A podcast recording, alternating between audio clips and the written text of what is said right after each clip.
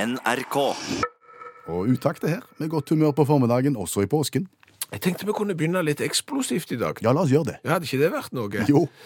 For vi har jo sett fra tid til annen, ikke fryktelig ofte, men for eksempel at noen skal etablere en lekeplass eller noe ut forbi ei blokk, og så begynner de å grave med gravemaskin, og så finner de eksplosiver fra krigens dager.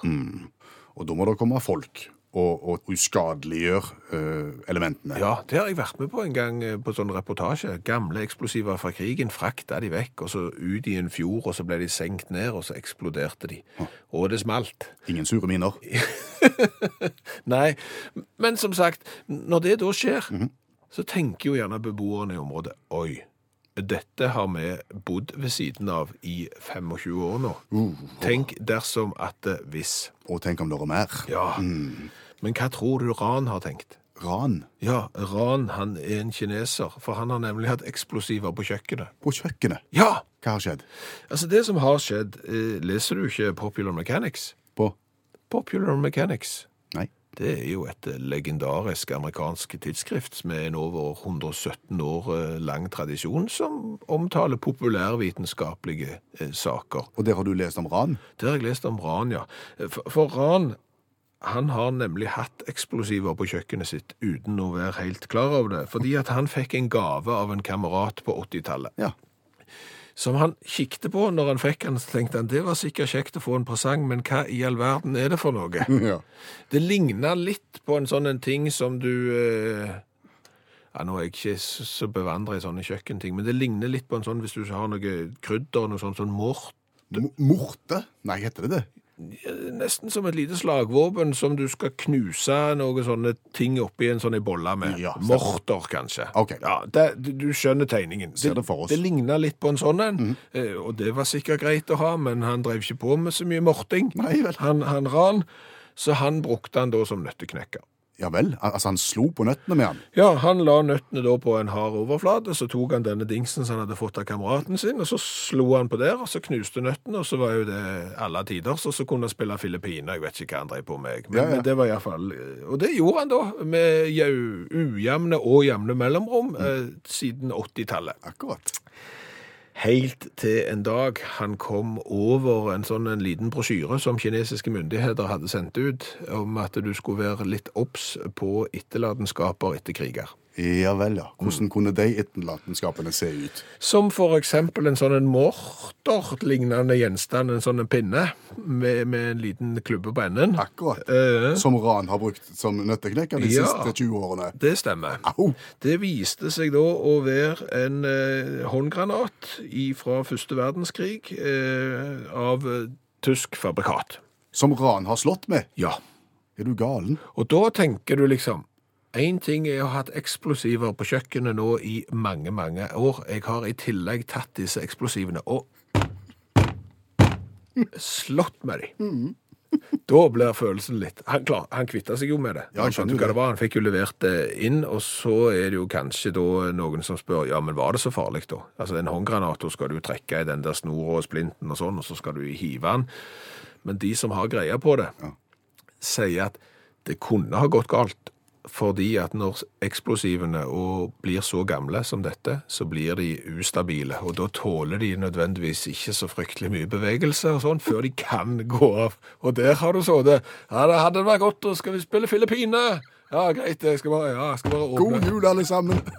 Og så- Men heldigvis så gikk det godt. For ran og alle de andre. Ja. Mandag i påsken, der mange som har ferie. Ja, og da tenker jeg, siden det er påskeferie for svært eh, mange, så burde jo egentlig alle radioprogram med respekt for seg sjøl eh, ta opp noe påskerelatert. Og i og med at vi har respekt for oss sjøl, gjør vi gjerne det. Ja, og, og hva da med f.eks. å snakke litt om eh, Påskeøya? Kunne det vært en plan? Midt i blinken. Eh, Vet du hvor Påskeøya er? Midt ut på havet et sted. Langt, langt, langt, langt vekk fra alle andre. Stillehavet. Ja, ja, det er som du sier, det er fryktelig langt til nærmeste eh, nabo. Hvis du ser på en globus, så tenker du at eh, er dette en plass å bo? Eh, Men det er det. Ja, Og så er de jo kjent for disse her rare eh, steinstatuene som står der. disse hodene, Ja. som hvis du da graver ned forbi hodene, så viser det seg at de har faktisk kropp òg. Å gå an. Ja. Men det var ikke det jeg tenkte vi kunne snakke om. Det jeg kunne tenke meg å snakke om, det er jo litt Hvem er det egentlig som får lov til å bestemme navn? Mm. For for når det heter Påskeøya pr- Prøv liksom også å la tanken s- svive litt. Grann. Hvorfor tenker du OK, Påskeøya, Påskeøya, hva kan det være? Hvorfor heter det påskeøya? Ja, Ja, ja. Sikkert oppfunnet, holdt jeg på å si. Oppdaga. Den, eh, jeg har oppfunnet ei øy! Ja. Nei, ja, det er riktig. Oppdaga ved påsketider. Ja, det er helt rett. Eh, Admiral Jacob Roggeveen fra Nederland, da uttaler du sikkert navnet hans bare sånn Han gikk i land der første påskedag i 1722. Akkurat. Han gikk i land første søndag etter første fullmåne etter vårjevndøgn.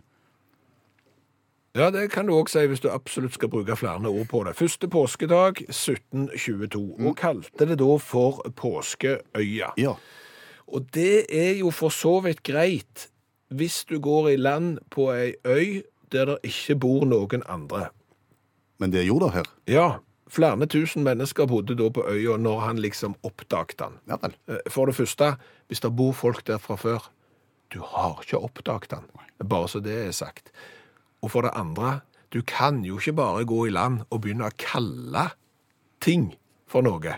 Bare fordi at du kommer fra eh, Nederland, for eksempel. Nei, for lokalbefolkningen der kalte jo ikke øya si for påskeøya, vil jeg tro, i utgangspunktet. Nei, Nei. for de snakket jo ikke nederlandsk, så de gjorde jo ikke det. Eh, De snakker jo et språk som heter Rapanui, og på rapanuisk så heter øya Rapanui. Å ja. Ja. Men po- populært kalt påskeøya? ja, fordi at det kom en eller annen sånn en taseadmiral fra Nederland og fant ut at det var sikkert smart siden jeg gikk i land eh, første påskedag. Men det blir jo ikke bedre for det. Nei. For det går jo 50 år, så kommer det jo en sånn en gallionsfigur av en påskehane eller et eller annet fra Spania.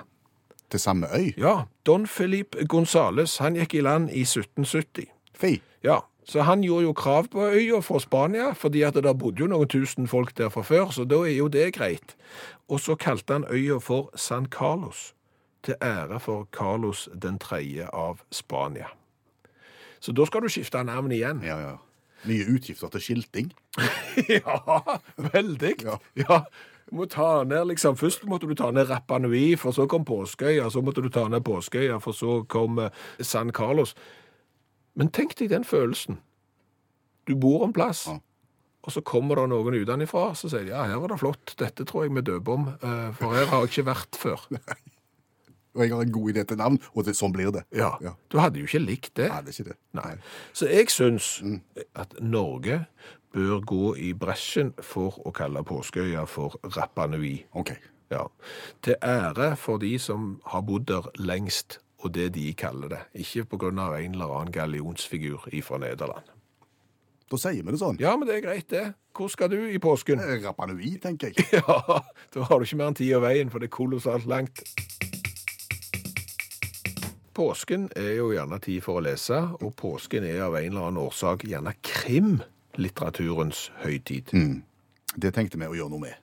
Ja, for kanskje er du som oss, at du har ikke spesielt god greie på japansk klassisk litteratur. Nei? Og kanskje skal du legge til side Agatha Christie eller Jo Nesbø og tenke ok, kanskje jeg burde gitt eh, japansk klassisk litteratur en sjanse. Jeg vet ikke om du solgte inn dette så veldig godt nå. Nei, og så åpner du den japanske klassiske boka, og så er det jo bare sånne tegn som du ikke forstår, så tenker du nei, det her gidder jeg ikke likevel. Nei. Men nå skal du få høre om en eh, klassisk japansk roman som du faktisk bør lese.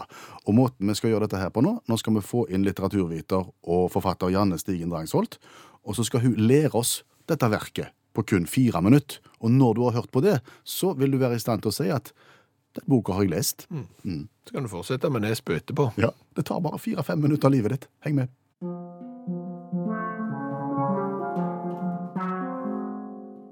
Snelandet fra 1948 av Yasunari Kawabata.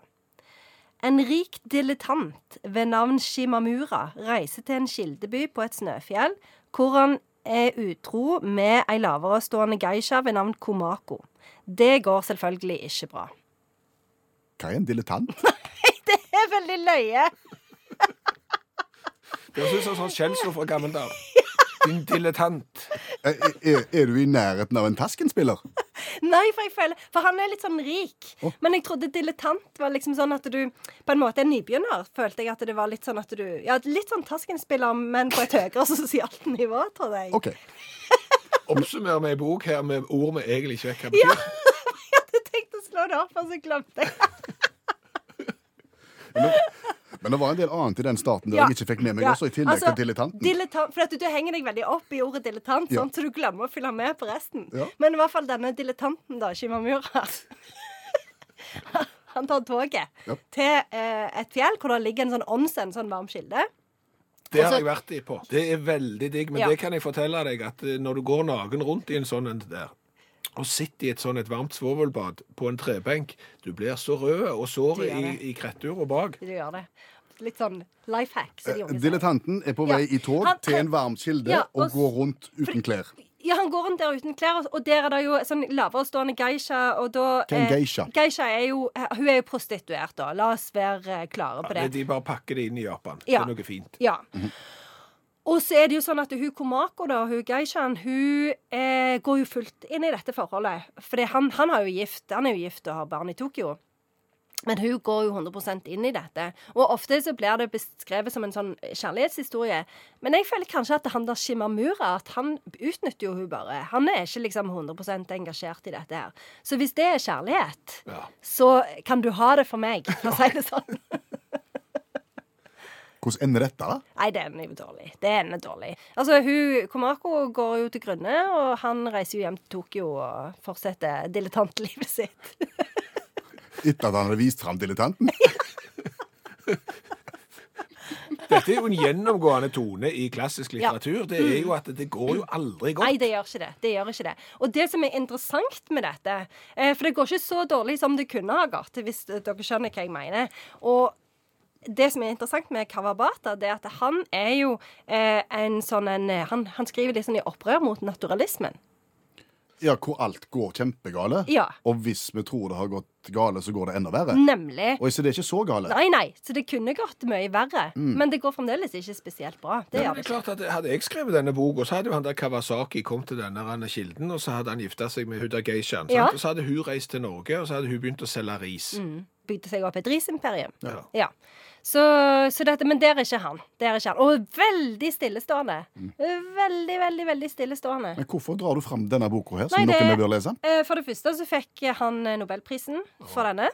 Eh, Og for det andre så er han Han er liksom en av de mest eh, eh, anerkjente japanske forfatterne, så jeg tenker at når du reiser til Tokyo på ferie, så kan det jo være greit å komme trekkende med Yasunari Kawabata og liksom vise at du har kjennskap til han, da. Ja.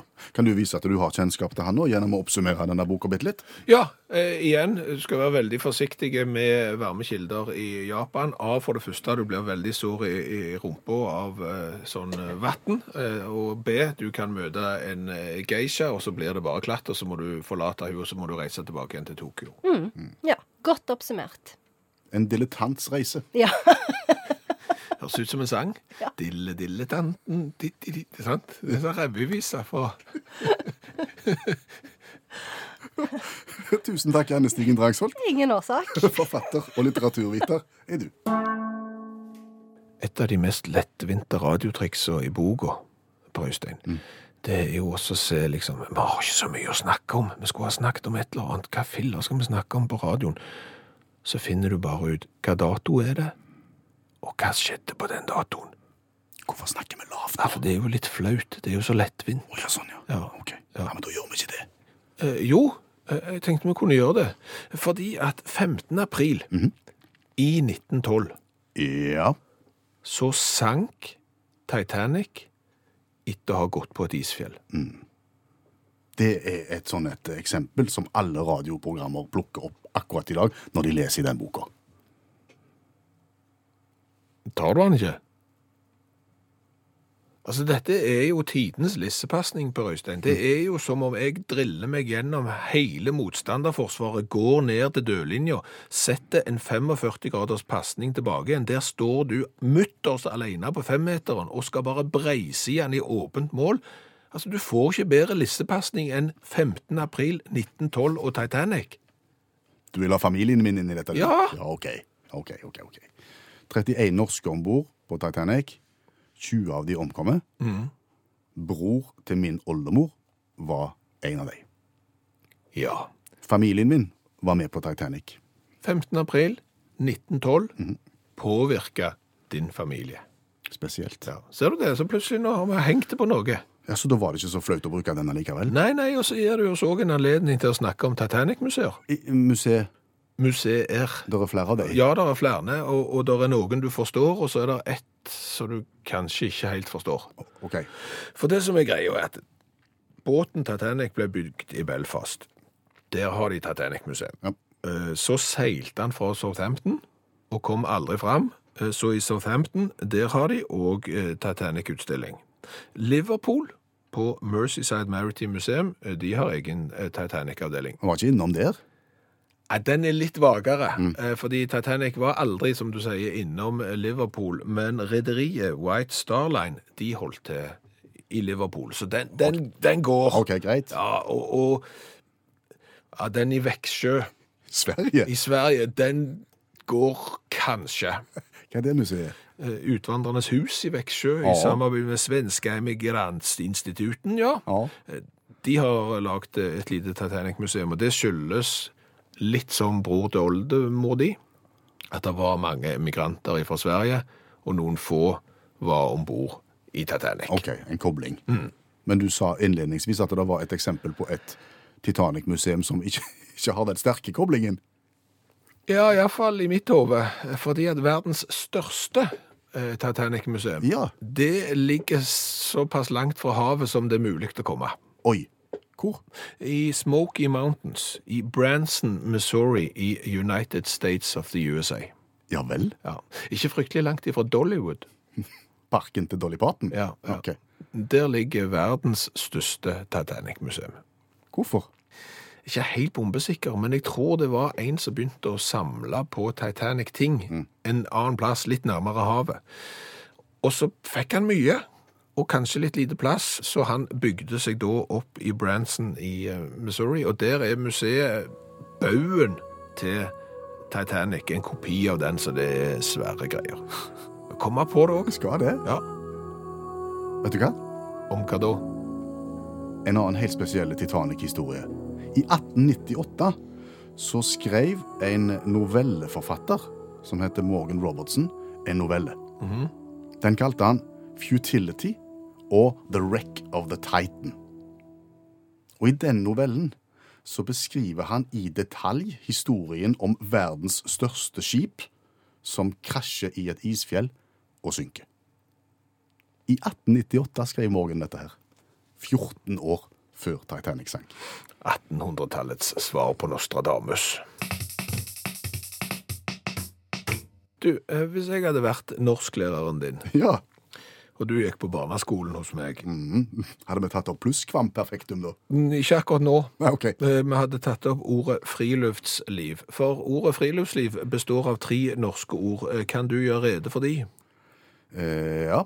Det er liv, og det er luft, og det er fri. Ja. Friluftsliv. Ja.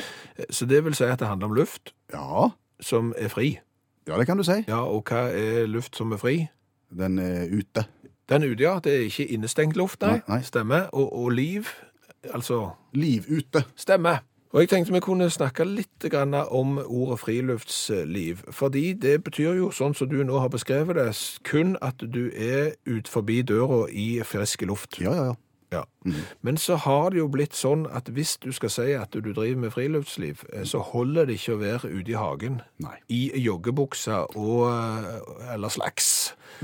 Og joggesko. Nei. Du må ha på deg sånn fjellrevenjakke. Den bør lukte av bål. Mm. Mm-hmm. Du bør ha en gammel ryggsekk med bæremeis. Eh, Og, og du bør virkelig ha tilbrakt ganske mange netter under åpen himmel. Da kan du si at du er glad i friluftsliv. Ja! Ja, Er ikke akkurat det synet på friluftsliv med å gjøre at for eksempel du og meg, og sikkert mange andre, ikke orker å begynne med friluftsliv? Har ikke tenkt på det, men når du sier det sånn, så, så, så fø- føler du at det er en del forpliktelser som henger med, ja. Ja, da gjør jo det. Altså, Hvis du da skal leve som Lars Monsen for å kunne altså, si at du bedriver friluftsliv, det hadde jo vært mye enklere med å si vet du hva, jeg går gjerne ut forbi døra jeg, og bedriver friluftsliv. så hadde terskelen for å komme seg ut i skog og mark vært mye lågere, og så kunne du bygge deg opp. Å ja. Så kunne du tatt det gradvis. Så kunne du for eksempel ha bytta ut joggebuksa di da med turbukse. Så kunne du etter hvert ha fått deg en eh, anorakk. Så kunne du ha begynt å så lage røykelukt i den anorakken. Og så kunne du tilbrakt noen netter under åpen himmel. Ser du det? Hva tenker du om å bruke glad i friluftsliv i kontaktannonser, da? Det med kontaktannonser er vrient, for i kontaktannonser så skal du alltid fremstå som den beste versjonen av deg sjøl, og da er du alltid i randsonen av hva som er sant. Ok. Eh, Sier du for eksempel at du er glad i et glass rødvin i ny og ne, så kan det godt hende at du er på grensen til alkoholiker. Eh, Skriver du glad i friluftsliv, så kan det godt hende at du er av den typen som praktiserer friluftsliv rett ut forbi dørstokken, og ikke har fjellrevnjakke som, som lukter røyk. Men det er klart at det nå når vi lufter dette begrepet her, eh, s- så gjør vi kanskje at flere kan, kan bruke det på ulikt vis. Mm. At vi åpner det litt opp, på en Ja, måte. ja. Og så, og så blir det sant dersom du skriver at du er glad i friluftsliv, selv om du ikke lukter bål. Ja. Nå kom det noe godt ut av dette òg. Ikke sikkert Lars Monsen er enig. Jeg vil tro han kaller det for ren idioti. Nå står ikke verden til påske. Nei, nå står ikke verden til påske. Nei vel, hvorfor står han ikke til påske? Har ingen anelse. Nei, hvorfor står han ikke til jul? Eller pinse. Ja, Ja. eller Mikkelsmessa. Nå står ikke verden til sankthans. Det er uante muligheter, men av en eller annen årsak så står ikke verden til påske. Mm. Hva betyr uttrykket 'nå står ikke verden til påske'? Det er jo en form for forbauselse, Mm. overraskelse, en ting som skjer som du ikke helt hadde forutsett. Ja, Du går på gata, for eksempel, og plutselig så støter du på en som du ikke har sett på 35 år. Mm. For han bor egentlig i Mexico og er hjemme en svipp. Mm. Og så ser du på han, så sier du nei, nei, nå står ikke verden til påske. Og så gir du han en klem, og så, og så er du i gang. Det- det- det- Den er vri. Ja, det er det. Og du blir ikke spesielt eh, ung av å bruke det uttrykket heller, det må være lov å si. Nei, det kan godt være. Ja. Men går det an å gå litt inn i det, dykke inn i, i uttrykket og, og tenke oss til hvor det kommer fra? Altså, jeg har prøvd å finne ut av det. Ja. Og det er mulig at jeg ikke er god å lete, men jeg har ikke funnet noen sånn veldig gode. Det blir spekulert, visstnok da, i at påsken er liksom et skjæringspunkt her, fordi at det, Jesus var ikke stått opp ennå. Ok. Altså påskemorgen, slukke sorgen, da er liksom alt i orden. Men før det, før påske, så har ikke Jesus stått opp, og kan da ikke rydde opp i problemene som oppstår. Skjønte jeg ingenting av. Nei, ikke kall. Nei. For å være helt ærlig. Og så er det jo en annen ting. Hvis du da begynner å skal lete i gamle skrifter, hvor blir de første skriftlige treff av diverse eh, ordtak eller eh, munnhell? Hvor kommer de ifra? Så havner du jo fort hos Holberg. Hos Ludvig? Ja. ja. 1724, komedien Julestue. Er påsken omtalt i julestuen? Når verden står til påske, så skal jeg give min hals de topper, fabler, favoritter er ikke andet enn Lucifers påfunn. Hva mente Ludvig med det, tro?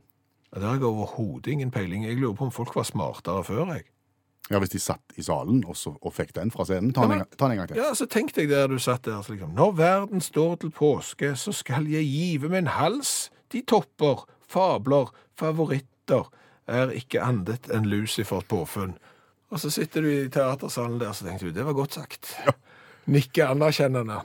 Det der var Det blir ikke tydeligere enn Det det. blir ikke tydeligere enn det. Nei. Og, og, og vi har jo lest noen tekster av eh, Shakespeare, blant Ja. annet. Ja.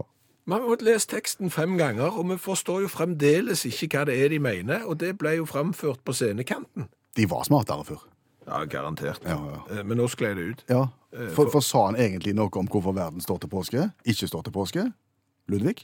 Ja, Det var jo det vi prøvde å finne ut i den teksten, men vi forsto han jo ikke. For det var noe med Lucifers påfunn der, altså. Men, men det er omtalt, da. At verden står til påske, er omtalt da i 1724. Så det må jo være et uttrykk som iallfall er fra det tidsrommet og før. Hva skal vi gjøre nå? Nei, det her er, det her er siste sort. Snakker meg om å løfte opp et problem og ikke bringe noe til torgs. Men Skal vi bare ta en sang? Ja, Jeg tror det må nesten bare spø på med noe her. Jess Glynn, for eksempel. Hva har vi lært i dag? Å, vi har lært fryktelig mye i dag. Har blant annet lært om ran, Fra Kina. ja, som i nærmere 30 år eh, hadde en håndgranat som nøtteknekker, for han visste ikke hva det var for noe.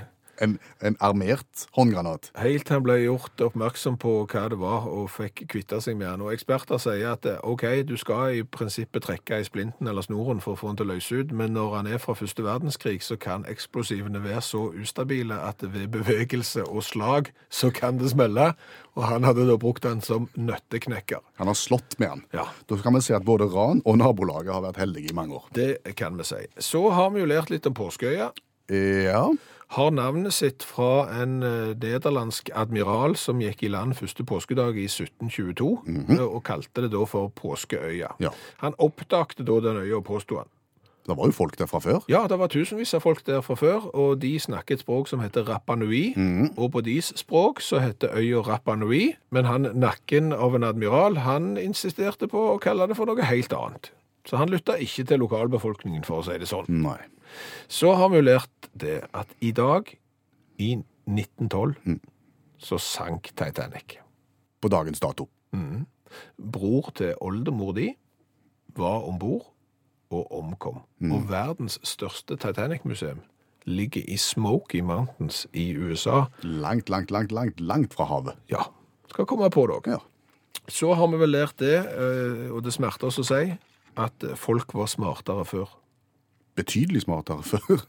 Ja, de må ha vært mye, mye smartere før enn vi er. Fordi at når de da ble presentert for f.eks. en tekst av Holberg som lyder som følger Når verden står til påske, så skal jeg give min hals de topper, fabler, favoritter er ikke annet enn Lucifers påfunn. Så nikte de anerkjennende, og så syns de han er snar til å skrive, han Holberg. Han vet å få sagt det. Og så forsto de det. Vi skjønner ikke en puck. Folk var smartere før. Og med de ordene så er dagens radioprogram Utakt over. Jeg heter Per Øystein Kvindesland, Jeg heter Bjørn Ola Skjæveland. og etter oss nå får du Dagsnytt og Norgesklasse i NRK P1. Utakt igjen i morgen. Snakkes! Hør flere podkaster på nrk.no podkast.